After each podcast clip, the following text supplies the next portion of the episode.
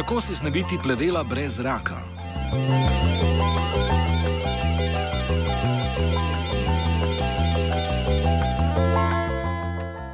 Glifosat je herbicid, ki ga je dobrih 40 let nazaj razvila ameriška kmetijska korporacija Monsanto.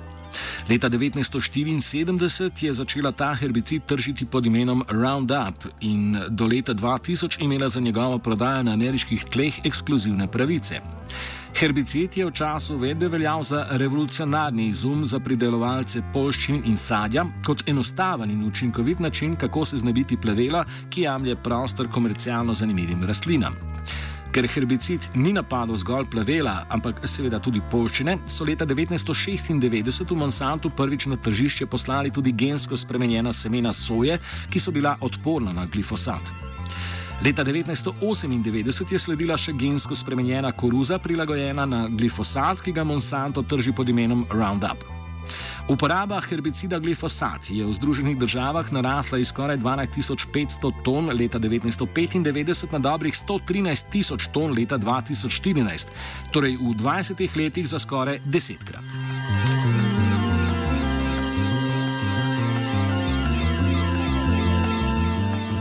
Revolucionarni herbicid glifosat je kmalo prišel v zasebno rabo, na veliko pa so ga začele uporabljati tudi mestne komunale za urejanje parkov in ulic. Po njegovi množični razširitvi so se začele počasi kazati stranske posledice na okolju in zdravju ljudi.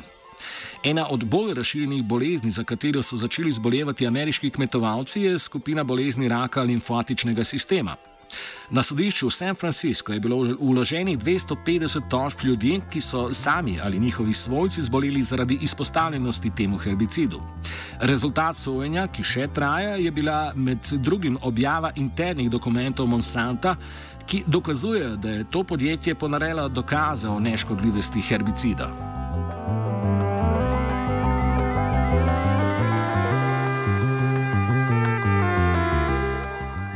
V Evropski uniji so kmetje dobili dovoljenje za rabo glifosata leta 2002. Od junija lanskega leta pa za njegovo uporabo velja začasno dovoljenje, saj države članice predloga Evropske komisije o podaljšanju dovoljenja niso potrdile.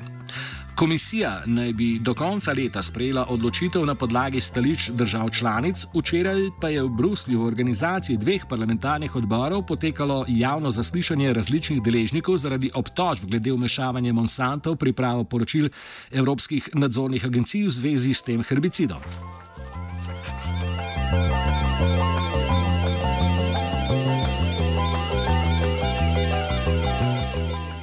Evropska agencija za varnost hrane je novembra leta 2015 odločila, da glifosat za evropske državljane ne predstavlja nevarnosti. Na njihovem poročilu pa je svojo odločitev za podaljšanje utemeljevala tudi Evropska komisija. Pred odločitvijo Evropske agencije je istega leta Agencija za raziskave raka pri Mednarodni zdravstveni organizaciji odločila, da glifosat uvrsti v kategorijo verjetno kancerogenih snovi. Zakaj se ocena obeh agencij toliko razlikuje, pojasni Nina Holland z Corporate Europe Observatory. Well, the um, IARC, the uh, Cancer Research Institute of the World Health Organization, uh, they both have a different policy on conflicts of interest, and they also have used a uh, different uh, set of studies and a different methodology. And that means that, for instance, um, they uh, only allow experts to take part who have no vested interest with the industry concerned, the pesticide industry. That's one. Uh, the second point is that um, the studies that they have used are only peer reviewed, published studies in uh, scientific journals. And uh, the third is that they have also included studies that have looked at Roundup and not at uh, just glyphosate, uh, which EFSA has also done, uh, but they have weighed them differently. So EFSA has um, uh, qualified uh, the IARC conclusions as uh, not valid, and they say it's probably not cancerogenous. And they said, well, we have looked at Monsanto's own studies that we have in our dossier, and IARC didn't have access to those raw data. Um, so IARC basically said, well, we don't accept industry studies uh, of which the raw data cannot be verified because that's not scientific. Raziskava primerjave besedil je razkrila, da je Evropska agencija za varnost hrane nekatere dele poročila preprosto prepisala iz Monsantovih raziskav o škodljivosti njihovega herbicida. V Nemškem zvezdnem inštitutu za ocene tveganja, kjer so pripravili poročilo za Evropsko agencijo, so tudi priznali, da zaradi velikega števila Monsantovih dokumentov veljavnosti določenih raziskav niti niso preverjali, temveč zgolj komentirali povzetke in zaključke. Well, they say that this is common practice, and this is another scandal that has uh, submerged from, from this whole story. Uh, we knew already that uh, the German agency BFR acknowledged that it that the dossier presented by Monsanto was way too big, that there were too many studies, that they couldn't go through it all, and they they put it on the front of, uh, of one of the chapters. They said we've taken an alternative approach and we've commented on the conclusions and, and summaries presented by Monsanto. So basically, a lot of the work in qualifying and disqualifying certain studies and data was done by Monsanto, and it was kind of rubber stamped by the agencies. And this is something that is not clear to what extent have they really gone through the bottom of it, and have they really um, verified that this uh, interpretation of these data is correct. And they have simply uh, copy and pasted also from Monsanto's conclusions, and sometimes without putting it into italics or between brackets to show that it is quoted from uh, Monsanto's dossier. So they've literally copy and pasted from Monsanto's dossier, and that throws another uh, questionable light on on uh, the way that pesticides are evaluated in the EU. Takšna praksa Evropske agencije za varnost hrane pa je očitno problematična, ko jo bok postavimo ugotovitve dokumentov, ki so prišli na plano pri preomenjenih 250 tožbah proti Monsantu na sodišču v San Franciscu. Ti so namreč razkrili, da so v podjetju sami pripravljali raziskave in jih na to pošiljali znanstvenikom v podpis. So, after the classification as probable human carcinogenic uh, by the IARC, uh, now, in, in the meantime, 250 lawsuits have been uh, started against Monsanto in the United States, representing thousands of people that have either uh, got themselves uh, non Hodgkin lymphoma, it's a type of cancer, or one of their relatives. And they're now suing Monsanto because they claim that Monsanto knew about this, that they are responsible for their product, and that their uh, they they or their uh, relatives have been exposed uh, and told have been told that Roundup uh, use was safe, and now have uh, this type of cancer or have already been deceased. So that um, uh, court case has obtained uh, millions of pages of documents from Monsanto, and part of those have been released because Monsanto could not claim that they were covered by, by trade secrets. So the court has released them, and uh, this has led to an incredible insight into how Monsanto manipulates the science. So there are emails, text messages, uh, minutes from meetings that show that give evidence of how um, Monsanto admits to be ghostwriting studies and then ask so-called independent scientists to sign it. Um, that has happened with the study of uh, Helmut Greim, a German uh, retired scientist who is still active, uh, taking consultancy jobs from corporations like Monsanto. But in one of the documents, uh, a Monsanto guy, David Saldmiras, he admits or he claims that he has ghostwritten the study that later had Grimes' uh, name on it. Uh, so that is uh, what the what the Monsanto papers has revealed. And yesterday's hearing was about uh, finding out what the meaning is of these papers for the EU assessment. Za prepoved glifosata v Evropski uniji so različne okoljevarstvene organizacije pripravile tudi državljansko pobudo, v okviru katere so na Evropsko komisijo poslale več kot milijon podpisanih izjav državljanov. Za ohranitev uporabe glifosatov sicer v Bruslu deluje skupina lobistov, ki predstavlja 29 proizvajalcev tega herbicida. Konec septembra pa so evropski poslanci Monsantovim lobistom prepovedali vstop v prostore parlamenta, saj so zavrnili udeležbo na zaslišanju glede obtožb njihovega umešavanja v pripravo evropskih poročil. O lobiranju po bruselskih pisarnah več pove Holland. Monsanto has started a platform called the Glyphosate Task Force that is run by a lobby firm called Hume Brophy. Uh, and that task force includes all the glyphosate producers, which is around 20 or 30 that are active in the EU. Um, so there are many uh, corporations now producing weed killers based on glyphosate, and they've taken them all together. But it's clear that it's Monsanto is all, always the spokesperson, and they are in the lead uh, of running this platform to get uh, glyphosate again approved.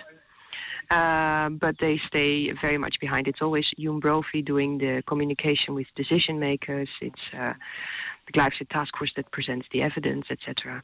So this is how they work in uh, in Europe. Uh, of course, in, in other countries, in like in the US, they are they are more prominent, more more aggressive. For instance, against the GMO labeling uh, issue, um, they work uh, also. There's another lobby group called CropLife, who is now attacking IARC uh, on its funding. So CropLife is approaching governments like uh, Canadian or the Dutch government to basically try to discredit the World Health Organization and the IARC, and basically to say countries you should withdraw your funding to this organization, or you should uh, make your funding conditional on, on changing this organization, because they are really bothered by institutes like IARC who still do independent research and who still uh, try to really find out how dangerous or how safe certain uh, certain products are. And of course, these products are all toxic. They are all bad for the environment. Uh, in any case, um, but when they are carcinogenic, the European law says that they have to be um, that they have to be banned uh, as it, when it's a pesticide. So that is really what what uh, what bothers them. And in the long term, and of course, all these corporations based in Brussels, they have a very long-term vision. They uh, they can be very very patient. Uh, is to overhaul the pesticide legislation and to get rid of this uh, this interdi- this this pro- prohibition of of uh, carcinogenic and uh, hormone disrupting uh, pesticide, for instance. V Evropskem parlamentu so europoslanci glede glifosata pripravili tudi alternativni predlog za Evropsko komisijo. V resoluciji so predlagali podaljšanje dovoljenja za 7 na mesto 15 let ter prepoved na neprofesionalno rabo, vendar je bil predlog kasneje zavrnjen na seji Sveta Evrope. Resolucijo je med drugim podprl tudi slovenski europoslanec Franz Bogovič, sicer član Evropske ljudske stranke in namestnik v parlamentarnem odboru za kmetijstvo in razvoj podeželja, ki je pripravil včerajšnje zaslišanje. O tem, kakšno je njegovo stališče do uporabe glifosata, nadaljuje Bogovič. Ta herbicid je pa bistveno bolj razširjen v tistih državah in delih sveta, kjer je eh, prisotno gensko spremenjeno kjer so prisotni gensko spremenjeni organizmi, se pravi soja, koruza, eh, bombaž in to je predvsem Amerika, severna, južna, eh, kajti eh, gensko spremenjena tehnologija šla v to smer, da so te te kulture, eh, ki so gensko spremenjene, odporne na ta herbicid in zato je danes eh, krepko eh, v Evropi bistveno, bistveno eh, manj porabe kot drugod po svetu in tudi v Evropi ta poraba v zadnjih letih ni naraščala, medtem ko je se v svetu zelo povečala. In eh, gre za v bistvu po moje pri celi zadevi za nek priprave, kjer tudi na tem Eh, hearingu, razpravi, ki je potekal zdaj v Evropskem parlamentu v tem tednu, bilo zelo jasno, da eh, nišče eh, enostavno po 40 letih uporabe še nima nobenega znaka, da bi lahko na osnovi kakršnih koli dokazov to rakotvornost, ki mu jo kot potencijalno napoveduje zdravstvena agencija pri huju, eh, pri zdravstveni organizaciji, ampak da eh, upozarjajo strokovnjaki na pomankanje, pomankanje še dodatnih raziskav. Eh, na drugi strani so pa potem ta pripravek eh, uvrstili v to kategorijo skupaj vem, z rdečim mesom ali pa z pripravki, ki se uporabljajo v frizer, frizerski tehnologiji. Tako da evropski agenciji, ki sta za to pristojni, tako EFSA, ki je pregledala več kot mislim, 900 študij z tega področja, eh, je bil eh, predlog za podaljšanje tega pripravka. Podobno je, ker se je potem eh, to podaljšanje zadržalo, storila še Evropska agencija, ki je zložena za kemijske sestavine iz Helsinkov in po polletnem pregledu vseh relevantnih študij zopet podala to stališče strokovno, da ni nobenega razloga, zaradi česar bi lahko ta pripravek uvrstili v te kancerogene oziroma da, da ne bi smel imeti eh, pravice uporabe na. Zadnjo besedo, ali bo glifosat ostal v rabi pri evropskih kmetih ali pa ga čaka postopen umik z evropskih trgov, bodo imeli ministri držav članic.